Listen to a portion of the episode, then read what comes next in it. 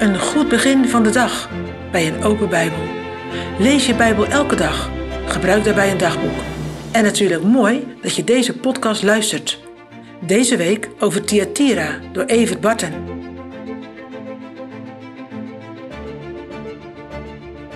De brief aan de gemeente van Thyatira begint ernstig, zo hoorde je gisteren.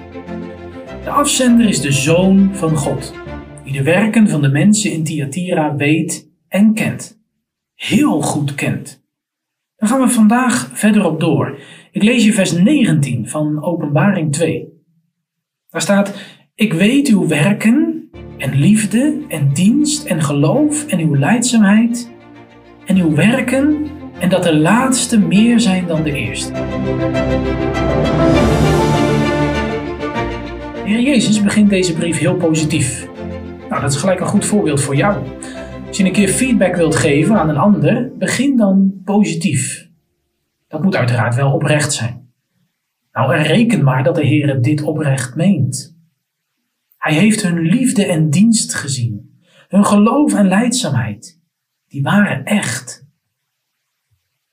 Wat een troost voor jou. Als je de Heer werkelijk mag dienen en vrezen. De wereld om je heen ziet deze werken niet. Je vrienden misschien ook niet, omdat ze bezig zijn met totaal andere dingen. Of omdat je de veiligheid niet voelt om erover te praten. Maar weet dan dat de Zoon Gods ze wel ziet. Hij ziet je geloof, je dienst, je liefde, je leidzaamheid. Waarom? Omdat Hij het zelf aan je gaf. Heb je op de volgorde gelet van de dingen die de Zoon van God over de gemeente zegt? Liefde, dienst, geloof, leidzaamheid. Je zou verwachten dat geloof als eerste komt, maar in dit geval niet. Sommige mensen denken dat je daaruit kunt opmaken dat er meer liefde dan geloof was in deze gemeente. Vandaar dat de Heer verderop in de brief ook wel scherp wordt, omdat ze zich hebben laten verleiden. Nou, of dat waar is, dat laat ik voor nu in het midden. Je ziet in de opsomming twee keer twee woorden die bij elkaar horen liefde en geloof, en geloof en leidzaamheid. Je zou kunnen zeggen, het dienen van God en de naaste komt voort uit de liefde, en de leidzaamheid komt voort uit het geloof. Heel kort een uitstapje naar het woord leidzaamheid. Als ik aan jou vraag wat dat betekent, dan zeg je waarschijnlijk ja, iets met geduld. Ja, dat is deels waar. Maar het is meer dan dat. Het heeft ook iets actiefs in zich, een, een vertrouwend en volhardend dragen van wat God jou op de schouders legt. Voel je dat dit meer is dan alleen geduld? Het is een prachtig Bijbels woord trouwens. En als je er meer over wil lezen, dan verwijs ik je graag naar een aantal artikelen in de saambinder van dominee Schreuder, die verschenen zijn in januari 2024. Terug naar de brief. Het gaat veel over werken van mensen.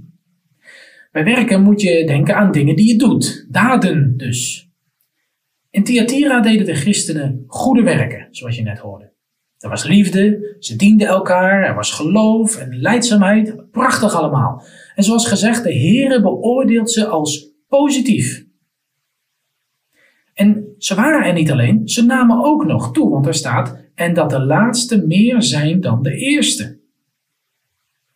Hoe zit dat met jouw werken? Zijn ze er wel? En wat vindt de Heere Jezus van jouw leven? Hij kijkt ernaar hoor, met ogen die dwars door je heen kijken, die jouw hart volledig doorgronden. Als er werken zijn, dan is de grote vraag, waar komen ze vandaan? Uit het geloof? Waar zijn ze op gebaseerd? Op de wet van God? En waarom doe je ze? Tot Gods eer? Als je daar allemaal ja op kunt zeggen, dan zijn het goede werken, maar ook dan alleen. Stel jezelf kritisch de vraag waarom je bepaalde dingen doet. Om jezelf te profileren? Om vooral een fijne jongere of een goede christen gevonden te worden? Of is er meer? Nog een keer. Wees kritisch op jezelf. En, en wees niet zomaar tevreden met een beetje van dit en een beetje van dat. De Bijbel is in Hebreeën 11 heel duidelijk. Zonder geloof is het onmogelijk om God te behagen. En Spreuken zegt, goed doet geen nut ten dagen der verbolgenheid. Denk aan die koperen voeten van de zonen Gods. Oh, wat een wonder dat God je dan oproept, ook vandaag. Vlucht voor de toekomende toren. En de Heer Jezus nodigt je nog altijd uit om tot Hem te komen.